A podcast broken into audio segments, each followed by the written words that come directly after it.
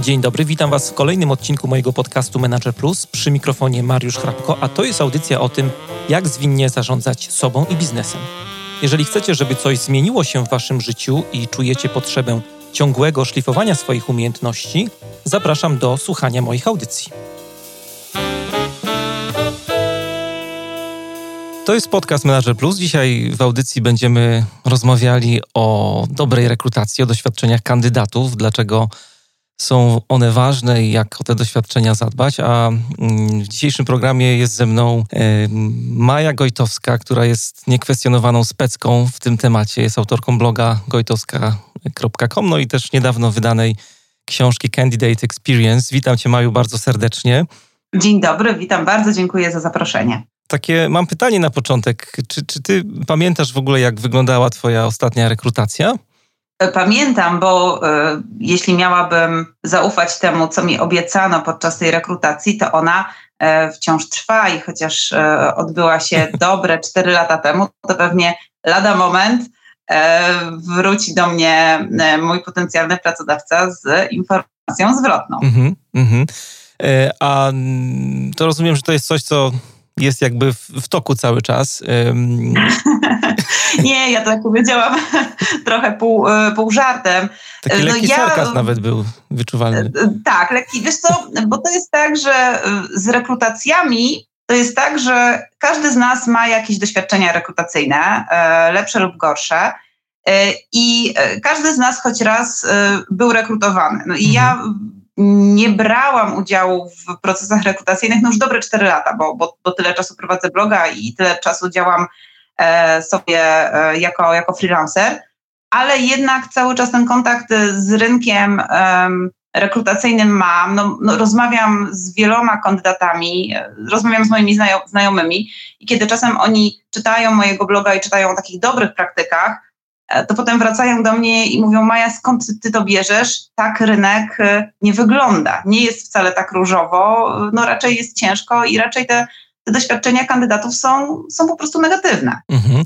No właśnie, jak przeglądałem trochę internety przed naszą rozmową, żeby się jakoś przygotować do tego tematu, to e, tak sobie wygooglałem, że tak przynajmniej są takie trzy główne zarzuty, które pojawiają się, jeśli chodzi o procesy rekrutacyjne. No, jeden z nich, e, pierwszy może jest taki, że E, no, rekruterzy jakoś nie kwapią się do tego, żeby zaglądać do, do CV, nie czytają tych doświadczeń kandydatów. Ja też yy, od kilku lat jestem freelancerem, ale dostaję różne ogłoszenia z rynku, no bo mam to magiczne słowo agile w nagłówku, no i, i tam dostaję mnóstwo różnych zapytań, ale no naprawdę dziś z 5% może tych osób w ogóle jakby miało chęć i zerknęło na, na to, co robię, czym się zajmuję, bo dużo jest takich ofert, które jakoś kojarzą mnie z Agilem, ale to jakby stanowisko nie ma zupełnie nic wspólnego i widać, że ktoś kompletnie jakby nie odrobił pracy domowej, nie przeczytał tego w ogóle, co robię na LinkedInie. E, no to jest jedna rzecz. Druga rzecz, którą gdzieś tam znalazłem, to jest to, że te y, procesy rekrutacyjne trwają niemożebnie długo. Nie? No to są e, miesiące w zasadzie czasami żeby dostać pracę. I też znowu odnoszę się trochę do swojego doświadczenia na początku jeszcze swojej drogi. Też brałem udział w, sporo lat temu, ale też pamiętam, że taki najbardziej sążnisty proces, w którym uczestniczyłem, to chyba pół roku trwał z asesmentem i e, no to było straszne doświadczenie. Czekałem na jak tutaj jaskółka e, wyglądająca wiosny, kiedy oni mi tam podeślą jakąś informację zwrotną. No i właśnie to jest ta trzecia rzecz, nie? Responsywność rekruterów jest też y, bardzo słaba. Czy pracodawcy w ogóle powinni mm, coś z tym robić? Y, czy da się coś z tym robić?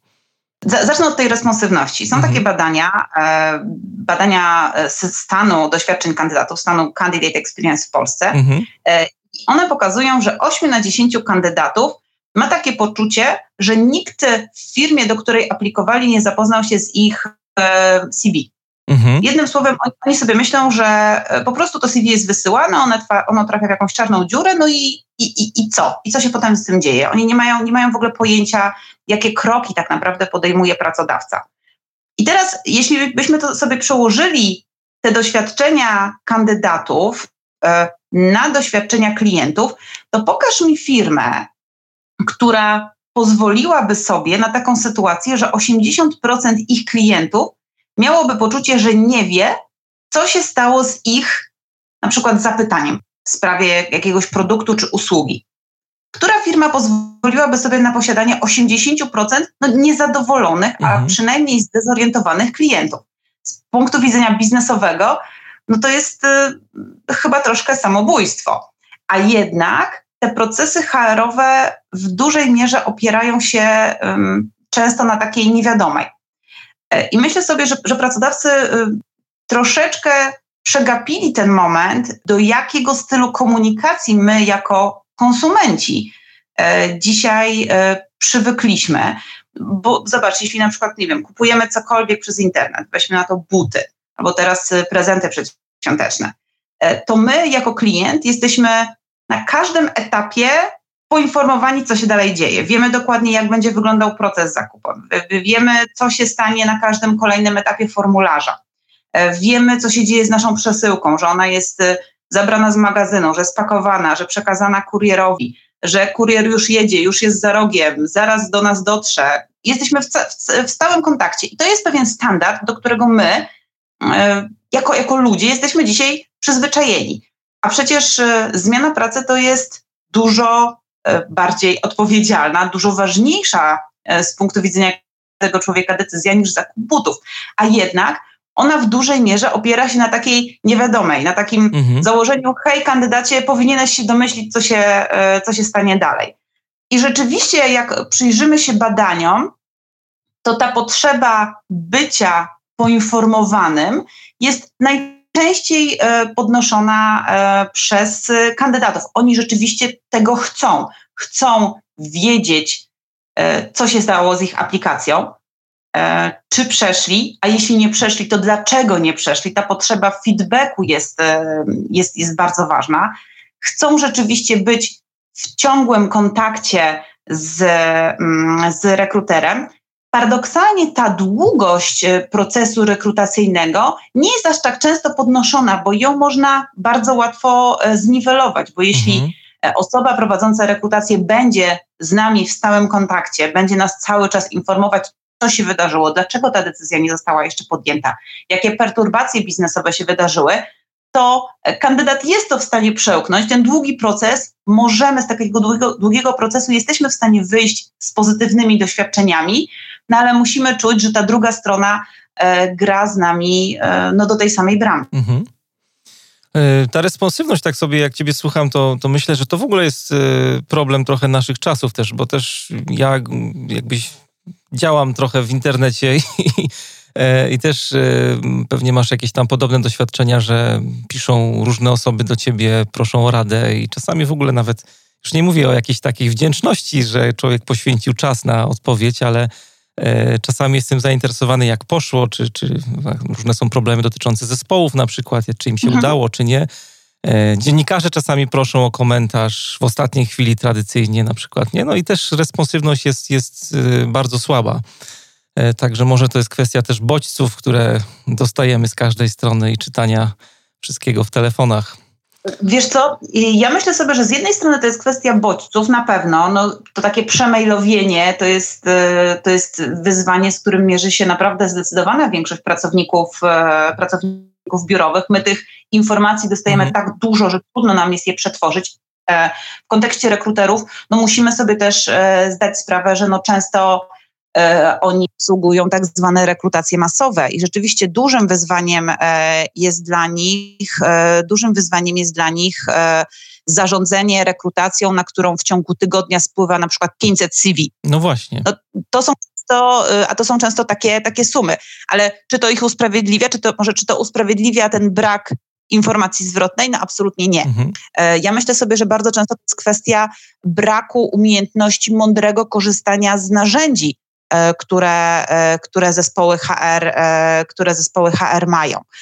Więc mm, Przecież e, tak jak e, działy handlowe e, korzystają z systemów CRM do zarządzania kontaktami z klientami, tak działy HR korzystają z tak zwanych ATS-ów, czyli systemów do zarządzania aplikacjami. I bardzo często jest tak, że one nie wykorzystują pełnego potencjału, jakie, jakie daje im ta e, automatyzacja. Nie e, tworzą dobrych szablonów wiadomości, e, które sprawiałyby wrażenie, że pracodawca jest z kandydatem w ciągłym kontakcie.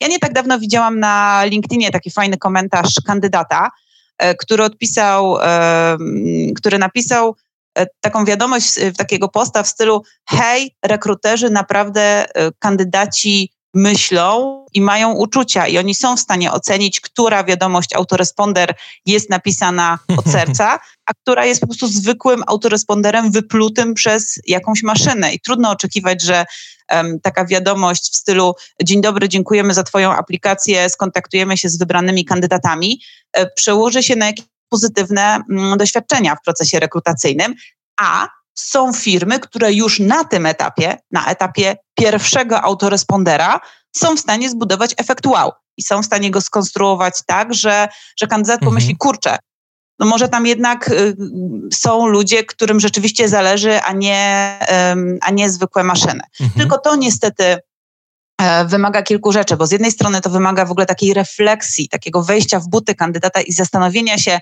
czego taka osoba poszukująca pracy potrzebuje na danym etapie, jakie są jej oczekiwania, kiedy wypełni formularz aplikacyjny i wysyła swoje dokumenty aplikacyjne, czego ona tak naprawdę chce od pracodawcy, jakie są jej potrzeby w tym momencie?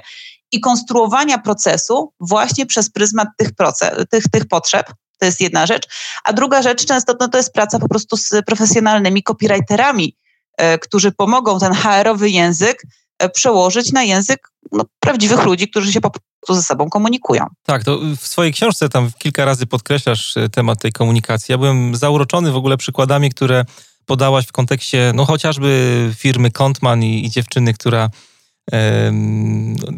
zajmuje się sprawami HR-owymi, tam nie pamiętam, Magda chyba miała na imię. Magda, tak. Tak, i, i no, przykłady tych maili, które tam są wysyłane do kandydatów, no, są przeurocze. Tak samo jak y, zaskakująca jest też informacja zwrotna i wysiłek, y, zresztą opisałaś ten, ten case bardzo fajnie, że oni bardzo mocno pracowali nad tym, żeby też angażować zespoły, czy ludzi z zespołów, na przykład deweloperów, żeby e, jeżeli nawet nie przyjmują kogoś do pracy, to dać taką informację, solidną informację zwrotną, nad czym kandydat mógłby jeszcze popracować, gdzie są jego słabsze strony. No super sprawa. Wiesz co, Kontman to jest bardzo w ogóle wdzięczny przykład, bo oni wyszli od kryzysu wizerunkowego do, takich, do takiej naprawdę bardzo mocnej, dobrej praktyki i, i firmy, która zaczęła się autentycznie wyróżniać na rynku, a, e, no, a ich kryzys wizerunkowy zaczął się e, od GoWorka, e, czyli miejsca, które słynie z tego, że tam niewiele jest pozytywnych informacji na temat pracodawców. Tam raczej kandydaci i pracownicy narzekają, a jak wiemy, Polacy lubią bardzo narzekać. E, nam to bardzo łatwo przychodzi, więc, e, więc, więc no to było bardzo duże wyzwanie i znam dużo firm, które po prostu e, starałyby się zamieść ten temat pod, pod dywan. I myślę, że to podejście Kontmana, który i Magdy, która w wiadomościach do kandydatów, których zapraszała ich na, do procesu rekrutacyjnego, pisała, pisała bardzo szczerze, hej, wydział w procesie w firmie, która ma fatalne komentarze na GoWorku, potem wyjaśniała, że rzeczywiście te komentarze były złe, ale, złe, ale wykonali bardzo dużo, dużo pracy, zmienili swoje podejście i teraz kandydat może zobaczyć, co się zmieniło. To jest strasznie fajną taktyką, bo, e, bo wiesz, taka szczerość i autentyczność zawsze wygrywa. E, kandydat już na samym początku ma poczucie, że firma nie ma nic do ukrycia, że firma ma poczucie humoru, a każdy chce pracować ze sobą, która ma dystans do siebie, ma poczucie humoru. No i to jest taki pierwszy efekt wow, no, pamiętajmy, że jest to efekt bardzo niskobudżetowy, bo tam, bo tam nie zadziały się żadne fajerwerki, żadne specjalne wydarzenia, żadne upominki dla kandydatów, tylko to była po prostu zwykła, uczciwa komunikacja. Tak, no czasami właśnie niektórzy myślą, że trzeba mieć super wypasione narzędzie, żeby coś takiego zrobić, a te sprawy zaczynają się gdzieś tam na bardzo takim podstawowym poziomie, tak jak, tak jak zresztą słusznie zauważyłaś tutaj. Ta transparentność też była dla mnie dużym zaskoczeniem właśnie w kontekście tych negatywnych komentarzy, że tak nawet myślałem sobie chwilkę o tym przykładzie, który podałaś w książce i ten mail tam właśnie wprost mówił o tym, że mają dużo negatywnych e, komentarzy goworkowych. Mm, no ale fajnie, tak, taka przejrzystość, tak jak mówisz, uczciwość dużo daje kandydatom. I też jak wywołałaś ten temat Gowork, bo nie wiem, czy wszyscy nasi słuchacze wiedzą o co chodzi. To jest takie narzędzie do w zasadzie oceny, tak? Pracodawcy. Możemy tam oceniać, kandydaci mogą oceniać pracodawcę, ale są też oferty pracy. E, I też e, przeglądałem w kontekście Twojej książki trochę to narzędzie i, i naszej rozmowy. To zauważyłem jeszcze tak, abstrahując od tego, co mówisz, taką jedną rzecz, że mianowicie pracodawcy nie bardzo tam się angażują, jeśli chodzi o wchodzenie w polemikę z tymi osobami, które tam piszą. No bo wiadomo, że tam jest taki problem jak z, większą, z wieloma narzędziami tego typu, że brakuje trochę kontroli i zarządzania tym wszystkim. Ciężko to jest ogarnąć i jak nie ma kontroli, jest anonimowość, no to hektolitry hejtu się wylewają wtedy. E, ale no są nie, niektóre firmy, które, które angażują się. Czy, czy właśnie, czy pracodawca powinien wchodzić w ogóle w taką polemikę? Jak są negatywne komentarze w ogóle w sieci, powinien to jakoś wyłapywać, e, powinien komentować, odzywać się w takich dyskusjach? Znaczy, ja absolutnie uważam, że monitoring internetu, e, monitoring e, komentarzy na temat firmy, monitoring aktywności e, pracowników, kluczowych osób w organizacji, to jest absolutne no, must have dzisiejszego pracodawcy. Tak jak marki, produkty, usługi monitorują swoje nazwy w mediach społecznościowych i prowadzą aktywną komunikację z użytkownikami w sieci, dokładnie to samo powinni robić pracodawcy i w ten sposób dbać o e, swoją e, markę e, pracodawcy, bo jeśli tego nie robią, no to jakby cała narracja mhm. jest oddawana w ręce no, osób, które które mogą być w jakiś sposób niezadowolone, bo, bo, ja wcale nie chcę powiedzieć, że osoby, które krytykują pracodawcę w sieci całkowicie nie mają racji, że są to, są to tacy hejterzy, no ale czasem no wiemy jak to jest, że w sieci pokazujemy, w sieci y, skupiamy się na tych negatywach, no a nic nie jest czarno-białe. No i zawsze warto zająć, pokazać to, tą, tą drugą stronę, przedstawić swoje stanowisko. E, ale wiesz co, w kontekście akurat GoWorka e, ta paradoksalnie zdarzają się również komentarze pozytywne. Nie tak dawno wyłapałam komentarz kandydata niezatrudnionego, który właśnie na GoWorku e, opisał cały proces rekrutacyjny, chwaląc z imienia i nazwiska e, rekruterkę, e, która prowadziła jego proces i zaznaczał, że chociaż nie został zatrudniony, mhm. ten proces wywarł na nim tak pozytywne wrażenia, no, że, że, że, że nie, może, nie, nie może po prostu pozostać tutaj bez komentarza i jest niezatrudnionym kandydatem, ale na pewno będzie ambasadorem tej firmy i na pewno będzie e, ambasadorem tej konkretnej e, rekruterki. I myślę, że to jest właśnie kierunek, do którego e, powinniśmy zmierzać, żeby właśnie z tych niezatrudnionych kandydatów, którzy no, stanowią zdecydowaną większość osób, którzy biorą udział w procesie, budować grupę ambasadorów marki, bo ja myślę, że warto pamiętać o jeszcze jednej rzeczy, że jakby pula kandydatów dzisiaj na rynku cały czas się kurczy. E, statystyki PWC e, pokazują, że do 2025 roku na polskim rynku pracy będzie e, brakować około półtora miliona pracowników. No więc prędzej czy później e, pracodawcy będą musieli, tutaj takie no brzydkie słowo, ale recyklingować trochę kandydatów. Będą musieli wracać do osób, e, z którymi już wcześniej miały kontakt w procesach rekrutacyjnych. Te osoby mogły być odrzucone. I tutaj e, to, czy ten ponowny kontakt y, okaże się kontaktem skutecznym, mhm. E, w dużej mierze będą decydowały te poprzednie doświadczenia, e, te poprzednie doświadczenia e, kandydatów. Tak myślę sobie, jest taka firma e, z Trójmiasta, Spartes i oni e, słyną z tego, że składają obietnice kandydatom, tym niezatrudnionym, które potem się spełniają. Ten ich e, feedback jest tak wartościowy, oni tak konkretnie mówią kandydatowi, dlaczego go nie mogą zatrudnić i co kandydat może zrobić, żeby ponownie aplikować na to stanowisko, że mają ogromny odsetek właśnie osób, które kiedyś w procesach rekrutacyjnych były odrzucone, ale spełniły te rady, które dostały od pracodawcy w procesie rekrutacyjnym, podniosły swoje kwalifikacje i są dzisiaj pracownikami firmy. I pomyśl sobie, jak w takiej sytuacji rośnie w ogóle zaangażowanie takiego pracownika, bo on ma żywy dowód na to, że ta obietnica podana przez pracodawcę, rzeczywiście ma pokrycie w rzeczywistości i, i jakby to się wszystko spina w większą całość. Nie palą mostów po prostu. No tak, tak, nie palą mostów, a, a niestety często, często firmy e, no, palą te mosty w procesach rekrutacyjnych i doprowadzają do takiej sytuacji, że ten niezatrudniony kandydat nie tylko nie zaaplikuje więcej, ale też podzieli się swoim doświadczeniem z otoczeniem, bo kandydaci ze sobą rozmawiają. E, no a jeszcze pamiętajmy o tym, że te negatywne doświadczenia przekładają się potem też na decyzje zakupowe.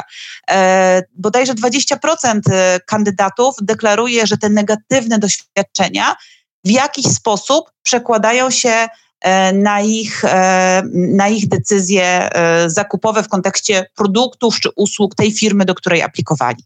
Ale w ogóle też to powiązanie, wychwyciłem to w książce, też na, jest, na Twoim blogu można poczytać na ten temat, jest sporo artykułów. To powiązanie między marką pracodawcy, a rekrutacją, a kandydatami jest niesamowicie ważne. Jakoś tak wprost, może sobie nie zdajemy z tego sprawy, ale kandydat, który ma negatywne doświadczenia, później przekłada te doświadczenia jakoś na markę, nawet może z tej marki zrezygnować, na przykład w takim, na przykład w decyzjach zakupowych, tak jak mówisz.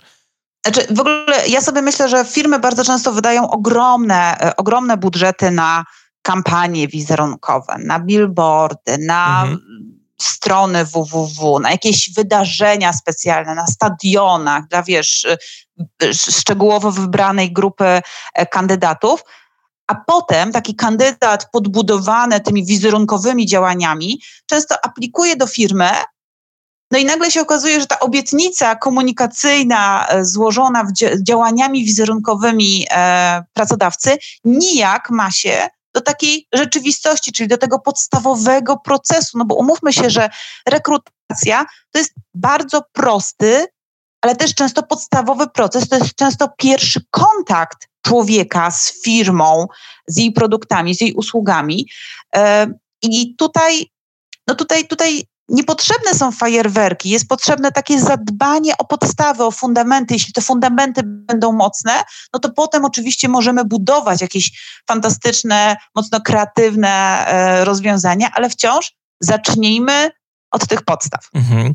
Jak zaczynaliśmy naszą w ogóle korespondencję i zaczęliśmy się namawiać na tę rozmowę, to Pamiętam, że w jednym z maili napisałaś do mnie, że polskie firmy, że rekruterzy, że menadżerowie nie dbają o doświadczenia kandydatów. Ja byłem trochę tak zaskoczony, bo akurat też wróciłem od klienta, gdzie się nasłuchałem na to, jacy są kandydaci bardzo źli. Taki, taka fala narzekań jest dość duża. Ja akurat mam do czynienia z branżą informatyczną, więc to jest też trochę specyficzny rynek, ale dużo się mówi. Są takie hasła typu roszczeniowość na przykład kandydata, to, że na przykład często mi menadżerowie mówią, że bez podawania widełek to ludzie w ogóle nie chcą rozmawiać, nie odpowiadają na maile, e, albo że nie przychodzą na spotkania, które były omówione. E, no to kto, kto tutaj ma rację? O co, o co chodzi?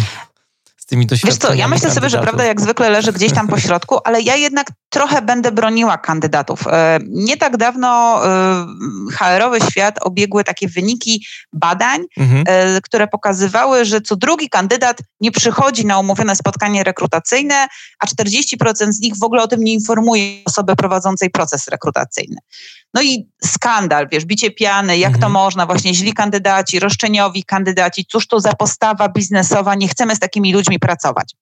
Tylko ja sobie myślę, że my trochę zapominamy o tym, że doświadczenia ludzkie to jest w ogóle e, bardzo silna rzecz, która e, jest takim podstawowym narzędziem poznawczym dla, dla ludzi na temat otaczającego ją świata. I doświadczenia przeciwieństwie do rzeczy, e, one nas bardzo mocno budują, wspierają tworzenie naszego charakteru, budują nasze postawy. I zapominamy o tym, że z doświadczeniami jest tak, że jeśli człowiek przez całe życie doświadcza pewnego schematu, pewnego negatywnego schematu, czyli na przykład, jeśli kandydaci przez całe swoje zawodowe życie doświadczali e, ze strony pracy, pracodawców, osób prowadzących rekrutację, właśnie tego, tej niesłowności, niedotrzymywania słowa, składania e, obietnic bez pokrycia, tych gruszek na wierzbie, gdzie, gdzie potem rzeczywistość, realne obowiązki pracy były zupełnie inne. Zwróć uwagę, że jeden na dwóch pracowników deklaruje, że faktyczne obowiązki, które wykonuje w miejscu pracy, nijak mają się do tego, co obiecywano mu w procesie rekrutacyjnym. Więc jeśli, jeśli, jeśli kandydaci przez całe życie właśnie w taki negatywny sposób um, doświadczali rekrutacji, ona na koniec dnia z jednej strony kojarzy im się z czymś negatywnym, mhm. no ale z drugiej strony te negatywne doświadczenia troszeczkę przekładają się na ich postawę dzisiaj. E, bo, e, bo jeśli oni przez całe życie e, byli traktowani niefajnie, to w pewnym momencie stwierdzają, OK, no to, no to może właśnie w taki sposób należy rozmawiać z rekruterami i jest to pewien standard. Takie trochę, wiesz, jak Kuba Bogu, tak Bóg Kubie. Powiedzmy może parę słów o tym, bo dużo rozmawiamy o tych doświadczeniach wciąż, jak je tworzyć tak, żeby były dobre, żeby faktycznie kandydat, który bierze udział w procesie rekrutacji, no został z tymi doświadczeniami na dłużej, na przykład nawet na długie lata. Miło sobie wspominał ten konkretny proces rekrutacji, w którym brał udział. Już trochę żeśmy powiedzieli, no bo można powiedzieć o tej komunikacji, dobrej komunikacji, o przejrzystości komunikatów, personalizacji e, tych przekazów, o czym, o czym mówiłaś. Co jeszcze można dodać do tego? No, ja myślę, że pierwszy krok to jest w ogóle naprawdę wejście w buty kandydata i zastanowienie się, jak wygląda proces rekrutacyjny jego oczami. Ponieważ e, firmy bardzo często wiedzą doskonale, jak ten proces wygląda z ich perspektywy. Mhm.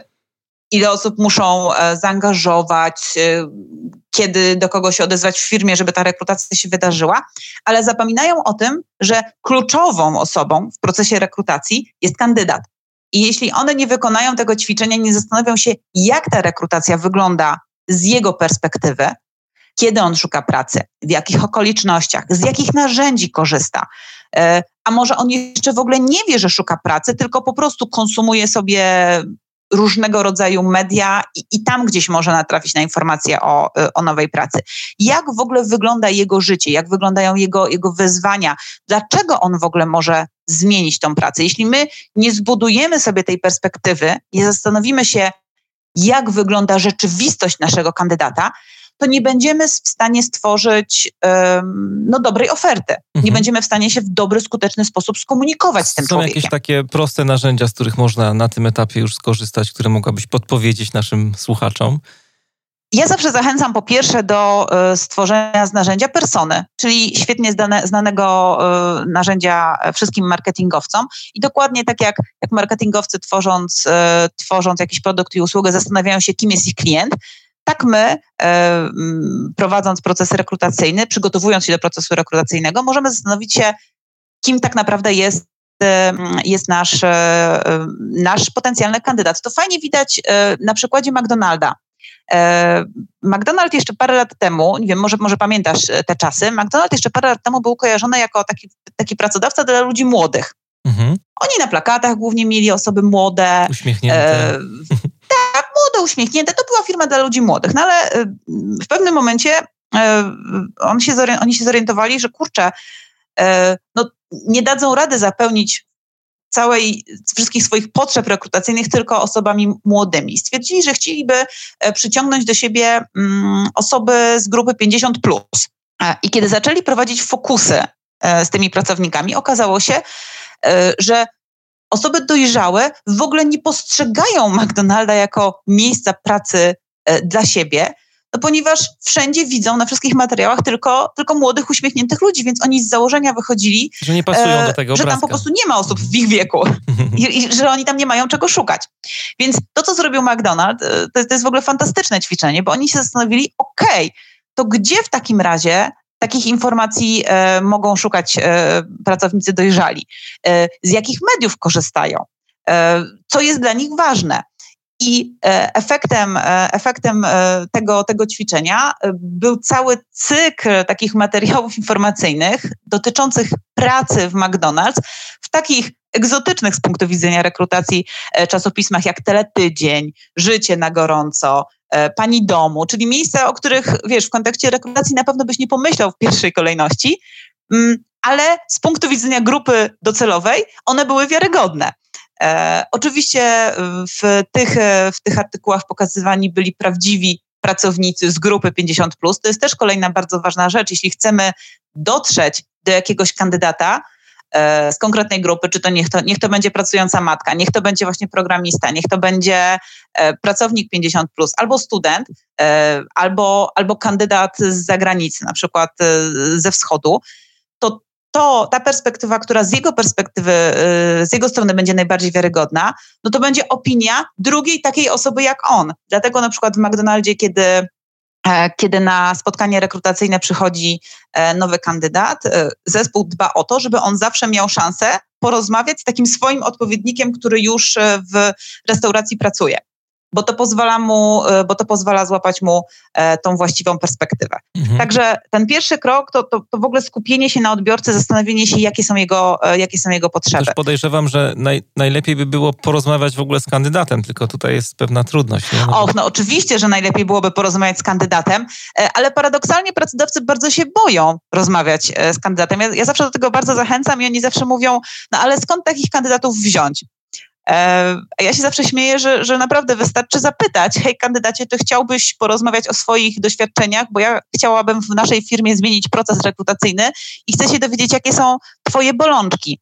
E, I naprawdę, jeśli tylko zapytamy kandydatów o ich bolączki e, i o to, żeby chcieli się troszeczkę pożalić i popowiadać o swoich złych doświadczeniach, to naprawdę nie wierzę, że nie znajdzie się chętny, który nie podzieli się tymi do, negatywnymi doświadczeniami. No ten przykład, który wyciągnęliśmy już y, Kontmana, nie? No Magda też tam zaznaczała w tym twoim przykładzie, który opisałaś w książce, że y, no, oni odrobili zadanie, czytając Goworka też, wszystkie te negatywne komentarze. No tak, to bo to jest, to jest to zbieranie informacji zwrotnej i to jest troszeczkę kolejna rzecz, e, którą naprawdę można zrobić od ręki, która jest absolutnie niskokosztowa, e, a w którą e, pracodawcy wciąż zdecydowanie za rzadko e, inwestują, a mianowicie są badania kandydatów.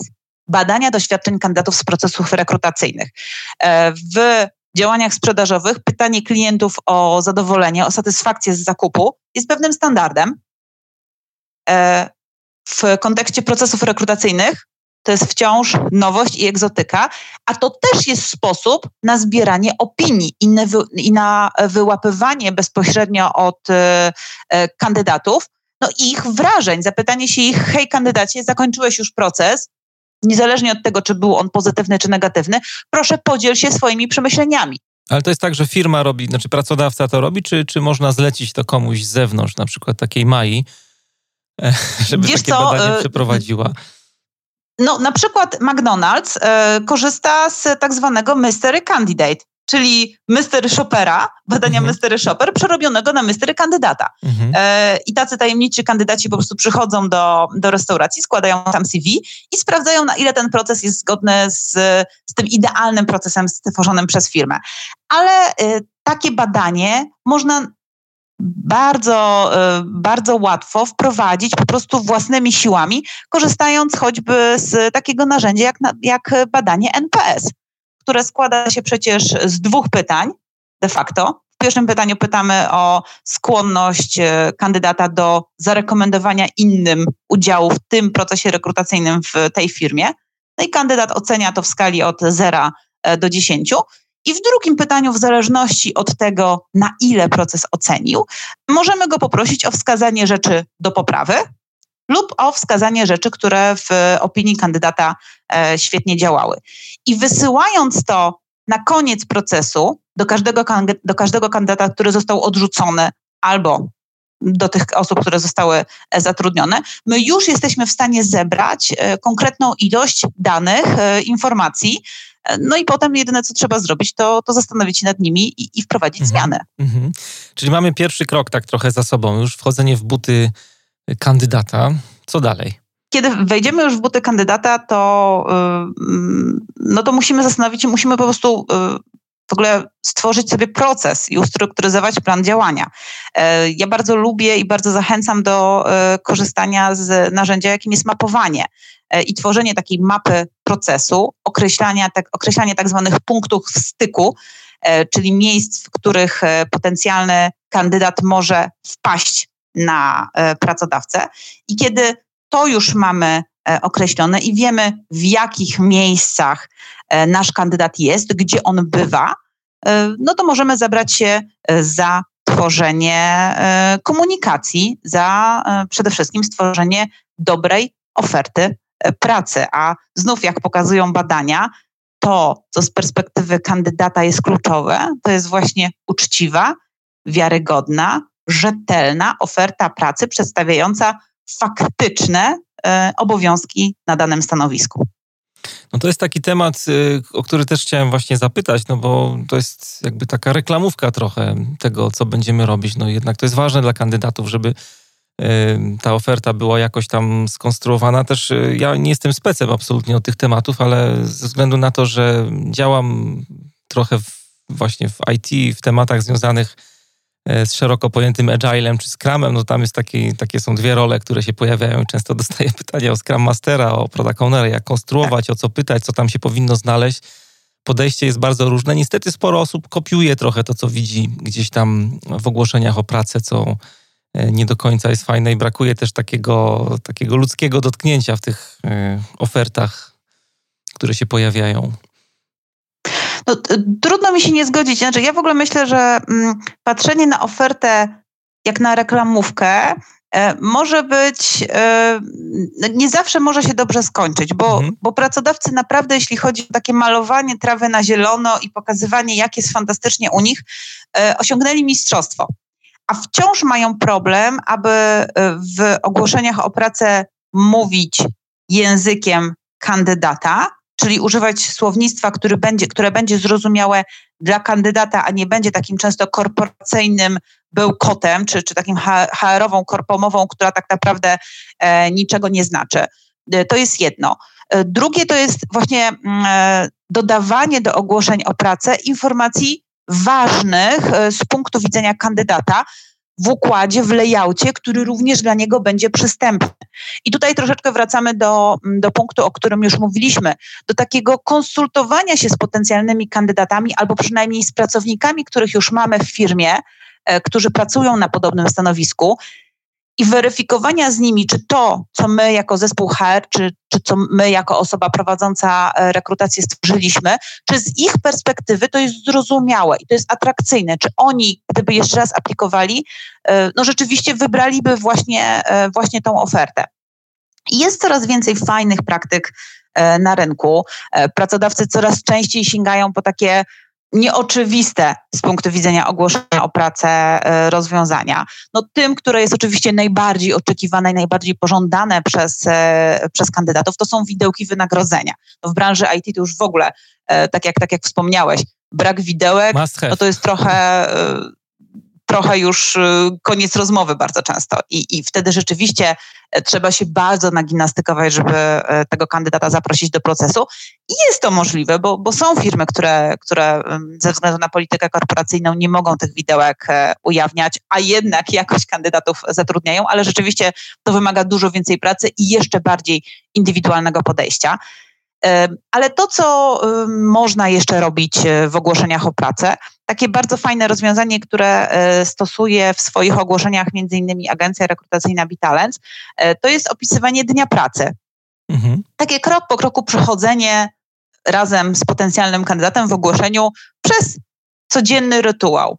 Jak będzie wyglądał, pokazywanie narzędzi, z których, e, z których kandydat będzie korzystał. W branży IT no to jest właśnie ten język, e, mm, język, komunika- język kodowania, w ogóle narzędzia, sprzęt, który będzie dla kandydata dostępny jest bardzo ważny, ale przecież to nie jest coś, co możemy, co możemy pokazać tylko, tylko dla kandydatów IT dla każdego kandydata te narzędzia, z których będzie korzystał, są jakąś ważną e, informacją.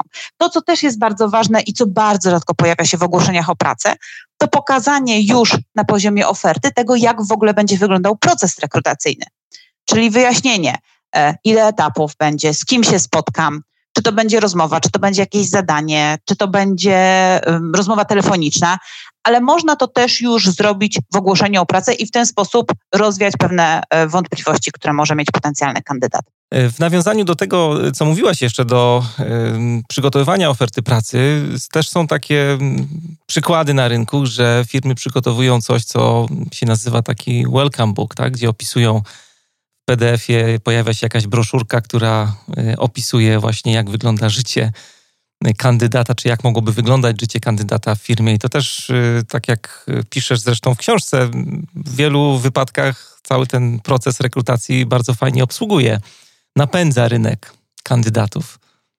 Welcome Booki z mojej perspektywy to jest e, bardzo fajne narzędzie. E, pewnie nie dla każdej organizacji, mhm. ale jeśli firma ma rzeczywiście kulturę, którą, która ją w jakiś sposób e, wyróżnia, to fajnie jest to zebrać w jednym miejscu. Niektóre firmy umieszczają to w formie, w formie PDF-a E, gdzieś tam online i tak jak mówisz, to wtedy często spełnia taką dodatkową rolę magnesu dla kandydatów, bo oni czytając e, szczegółowe informacje o tym, kto pracuje w firmie, e, jakie są dzisiaj, jakie są w firmie wyzwania, jak wygląda dzień pracy, jakie są benefity, jakie są projekty, dla jakich klientów firma pracuje, to często może ich zachęcić do, e, do rekrutowania. E, ale zdarza się, że taki welcome book, taka księga e, powitalna jest na przykład drukowana i wręczana już nowo zatrudnionym pracownikom na samym początku ich przygody w firmie. Taki drukowany welcome book ma między innymi Bank ING.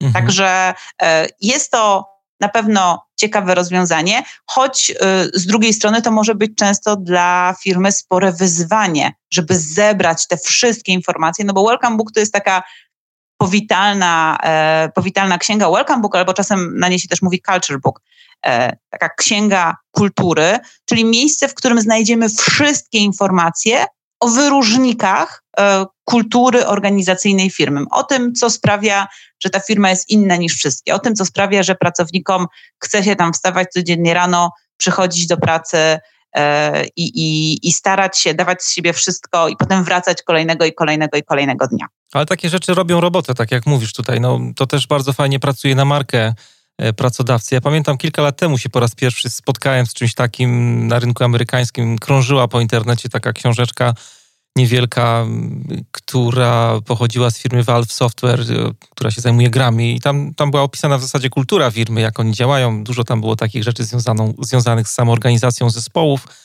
E, takie bardzo nietypowe, że ludzie tam mają biureczka na kółkach i jak jest lider, który ma jakiś pomysł na projekt, to przyjeżdża z tymi biurkami do tego lidera, że jest taka autonomia pracy. No dużo takich rzeczy, które chwytały za serce, jak się o tym mówi, no ale to krążyło po internecie mówiło się o tej firmie. Podobnie zresztą z taką broszurą, to już bardziej związana jest z branżą y, IT i z tematami około agile'owymi, ale Spotify też kilkustronicowy PDF y, ta firma wypuściła. I tak właśnie pracodawcy nie zawsze sobie zdają sprawę, jak to fajnie później pracuje na markę, nie? No bo mówi się o tym Spotify'u cały czas w kontekście tego PDF-a właśnie i modelu, który gdzieś tam e, wprowadzili. Czy tak jak y, tutaj dajesz przykład z Welcome Bookiem na przykład.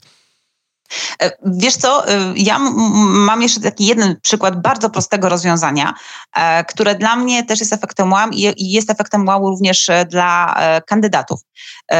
Nie tak dawno internet obiegł skan takiego maila wysyłanego przez rekrutera z Google'a do kandydata, który był zaproszeniem do procesu rekrutacyjnego. Mhm. I to, co wywołało taki efekt wow w tym mailu, to, był, to była część, w której e, rekruter napisał e, kandydatowi bardzo szczegółową agendę całego spotkania rekrutacyjnego, łącznie z pytaniami, e, które będzie mu zadawał i z takimi obszarami tematycznymi, które chciałby poruszyć podczas spotkania, ponieważ chciał, żeby kandydat lepiej się przygotował i lepiej wypadł. Hmm. I to jest taka bardzo prosta rzecz, E, która e, rzeczywiście może sprawić efekt, e, efektuał, może wywołać efektuał i może pokazać, że rekruterowi rzeczywiście zależy na tym kandydacie i on razem z kandydatem chce grać po prostu no, do tej samej bramki i, i nie jest tylko osobą, która go będzie przepytywać, ale jest prawdziwym partnerem biznesowym, który chce, żeby to się wszystko no, dobrze skończyło i żeby obie strony na koniec dnia dogadały się, e, były w tym samym miejscu i, i rozpoczęły współpracę. Mhm. I jest coraz więcej firm, które właśnie tworzy takie QA, czy właśnie w mailach przygotowuje przykładowe pytania, które może, um, które może wysłać e, do kandydata, zapraszając go na spotkanie rekrutacyjne. A taki prosty zabieg jest również no, pewnym wyróżnikiem kultury organizacyjnej, no bo on może pokazywać, że pracownicy w firmie troszczą się o siebie i troszczą się o swoich potencjalnych pracowników i o swoich klientów. No tych y, sposobów jest mnóstwo całe. Ja byłem zaskoczony czytając twoją książkę, że polskie firmy stosują różne takie fajne haczyki, e, jak na przykład, nie wiem, e, ta, ta przejażdżka Teslą, o której wspominasz po Warszawie. Tak, KMD, KMD i przejażdżka Teslą, to prawda, to był, e, to był bardzo ciekawy case, ale to też było fajne, bo e, co tutaj, za pomysł w ogóle? Bo, to, ale wiesz co, to było w ogóle ciekawe, bo dziewczyny, bo w pierwszym, e, w pierwszym pomyśle e, dziewczyny e, z HR-u KMD myślały o Hamerze, o przejeździe, mhm. przejeździe Hammerem.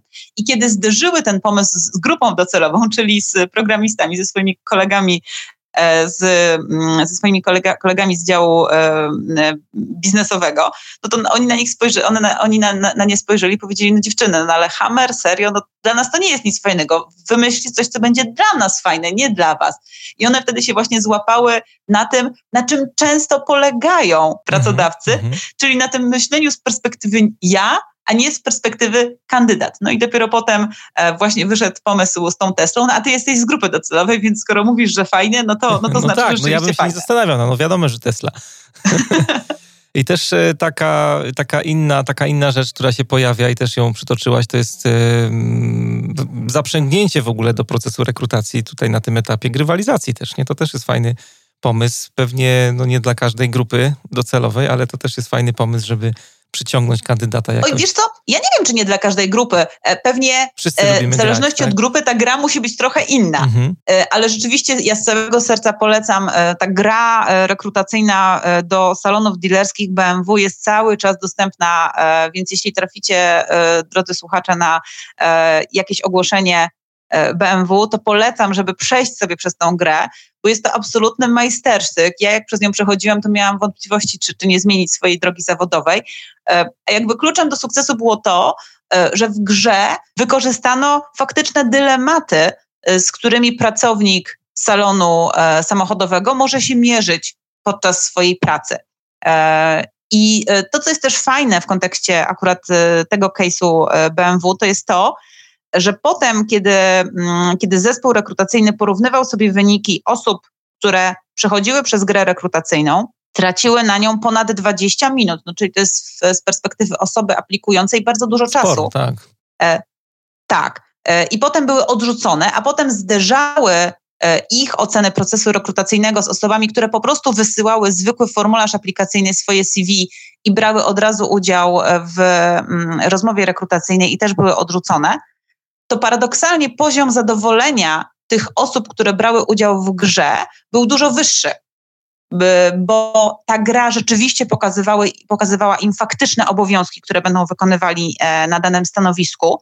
E, I oni często sami dochodzili do wniosku, że to, że to do końca nie jest coś dla nich. E, w grze były zaszyte informacje o produkcie, mhm. czyli o, o samochodach, więc jakieś takie ciekawostki, element edukacyjny i ta synergia marki produktowej i marki e, pracodawcy tutaj również była. No i w grze e, byli pokazani prawdziwi pracownicy, e, bo to oni hmm. byli bohaterami tej gry i to również był taki wątek, wątek, wątek edukacyjny. No i jest jeszcze jedna bardzo ważna rzecz. Dzięki grze zespół HR mógł przekazać kandydatowi konkretny feedback. Dlaczego, dlaczego go zatrudnia albo dlaczego go nie zatrudnia, ponieważ kompetencje z obszaru nie wiem, komunikacyjnego czy, czy zarządzania sytuacją kryzysową były jeszcze za niskie. I to też był jakiś konkret, e, z którym dużo łatwiej e, było zespołowi wrócić do, e, do kandydatów. No a niestety po rozmowie rekrutacyjnej ja mam takie, takie doświadczenie, że bardzo często trudno jest udzielić takiego merytorycznego feedbacku. Często uciekamy się do takich, do takich sformułowań, niedopasowanie kulturowe, albo często po prostu nie wiemy, co temu kandydatowi powiedzieć.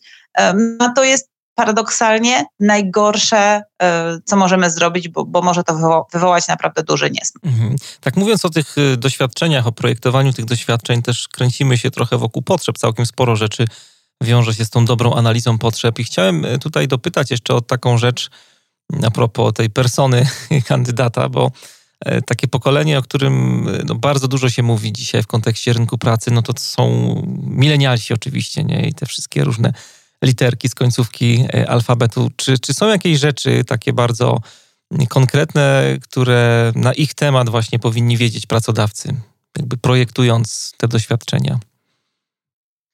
No, ja myślę sobie, że w zależności od tego, z jaką grupą kandydatów um, chcemy się skomunikować, bardzo ważne jest e, rzeczywiście odrobienie pracy domowej i zastanowienie się, gdzie szukają pracy, w jaki sposób konsumują media i z jakich narzędzi korzystają.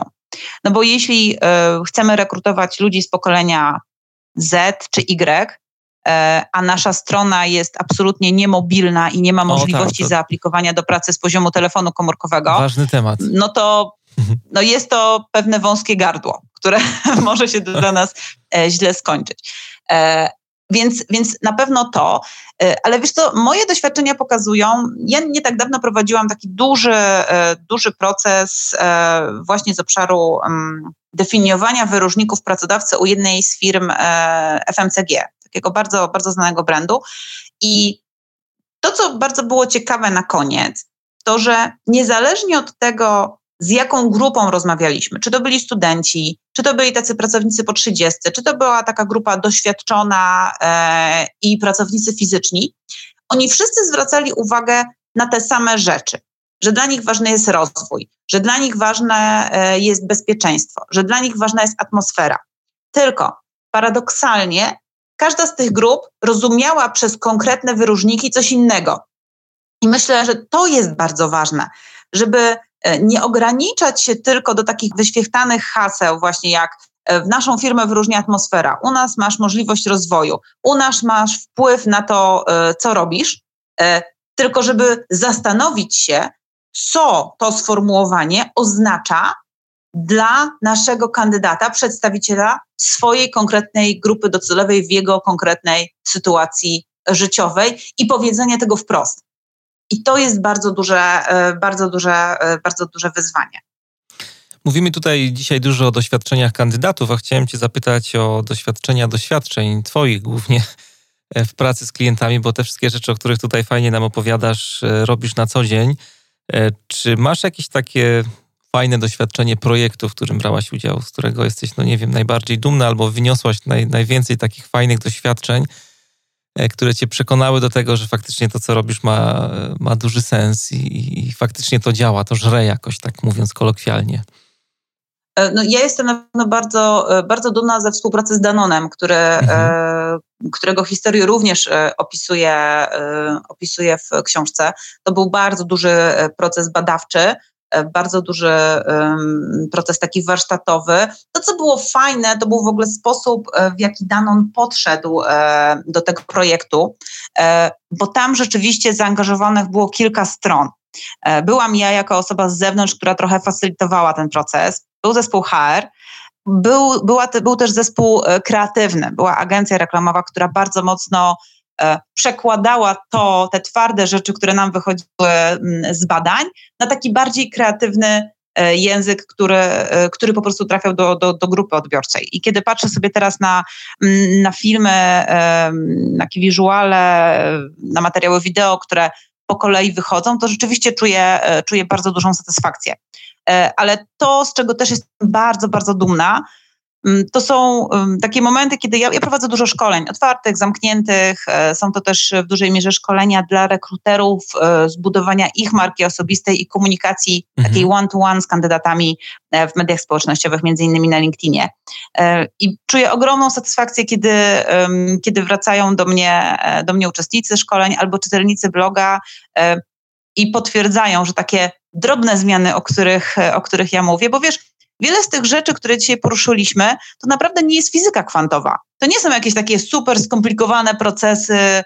E, to są często drobne zmiany, redagowanie tekstu, przeredagowanie ogłoszenia, troszeczkę przewrócenie, e, przewrócenie schematu rekrutacji, ale większość z tych rzeczy można dość szybko wprowadzić do e, procesu rekrutacji, a efekt wow, który oni dają, one dają, często jest zaskoczeniem dla, e, dla, samych, e, dla samych osób, które, które to, ten, ten proces prowadzą. To jest te 20%, które nam da, dadzą ten 80% efektu, nie? Tak, tak, tak, tak, tak. Hmm. E, tak, zbliżamy się, pilnie Ciebie słucham, e, ale zbliżamy się już powoli do końca naszej rozmowy i e, zanim, zanim się rozłączymy, to chciałbym jeszcze powiedzieć o fajnym konkursie, który przygotowaliśmy dla słuchaczy. Do wygrania są dwie książki Mai, która jest gościem dzisiejszego podcastu. Książki Candidate Experience, jeszcze kandydat czy już klient. To myślę, że słuchacze już mają jasność, że powinniśmy E, naszych kandydatów traktować e, jak naszych klientów. E, parę słów o książce. Muszę ci się przyznać do czegoś, że kilka dni temu wyjeżdżałem za granicę też do klienta i, i tak zawsze jak wyjeżdżam, to biorę dwie książki. Jedna jest taka do poduchy przed snem, bo nie czytam nigdy branżowych rzeczy, a druga mhm. to jest taka bardziej branżowa, ale tą branżową też dzielę na lżejsze i cięższe. I tak miałem dwie książki słuchaj do wyboru. Jedną sobie już długo, długo ją, na nią polowałem. Maria i Piotr Fijewcy nieobecni. Bardzo fajna rzecz na temat uważności tego, żeby właśnie wrócić do takich autentycznych doświadczeń życiowych. Bardzo mnie kusiła, ale w drugiej ręce miałem Candidate Experience i jakoś taki obowiązek podcasterski mi podpowiadał, że no jednak muszę ją zabrać ze sobą. Chociaż tytuł, tak zupełnie szczerze, muszę ci powiedzieć, że jakoś mnie tak czytanie o tych doświadczeniach kandydatów jakoś strasznie nie zachęcało. No i tak wsiadłem y, do pierwszego połączenia Kraków-Warszawa i jak y, wziąłem w łapki tą książkę, to byłem dobrą reklamą w zasadzie na każdym połączeniu, przy każdym gejcie. Każda osoba mnie mogła z tą książką zobaczyć. Super jest napisana. No wciągnęło mnie to niesamowicie. No i przeczytałem przez, przez cały wyjazd tą twoją książkę, łącznie z tym, że w hotelu ją czytałem, więc to się mi tak wieczorami nie zdarza. Zazwyczaj czytam takie lżejsze rzeczy. No, bardzo, e, bardzo, bardzo, bardzo się cieszę, e, bo jest to naprawdę bardzo pozytywna recenzja i jest to komentarz, który naprawdę sprawia, że autorowi e, rośnie, rośnie serce, no, że książkę się czyta dobrze i w miarę szybko. Słuchaj, no to, to jeszcze, jeszcze nie wszystko. Taki... Jedyne, czego od literatury oczekujemy. Jeszcze nie wszystko. Co mi się jeszcze podobało, to to, że każdy rozdział w ogóle jest bardzo logicznie wszystko poukładane, więc każdy czytelnik tutaj przejdzie przez cały ten proces. Myśmy go tak trochę dotknęli tutaj w, w naszej rozmowie, ale no jest tutaj głęboka logika. Każdy rozdział zaczyna się jakąś fajną historią i tych historii jest całe mnóstwo. Kilka z nich żeśmy przytoczyli w, w naszej rozmowie, ale no one dodają też tutaj uroku całej lekturze.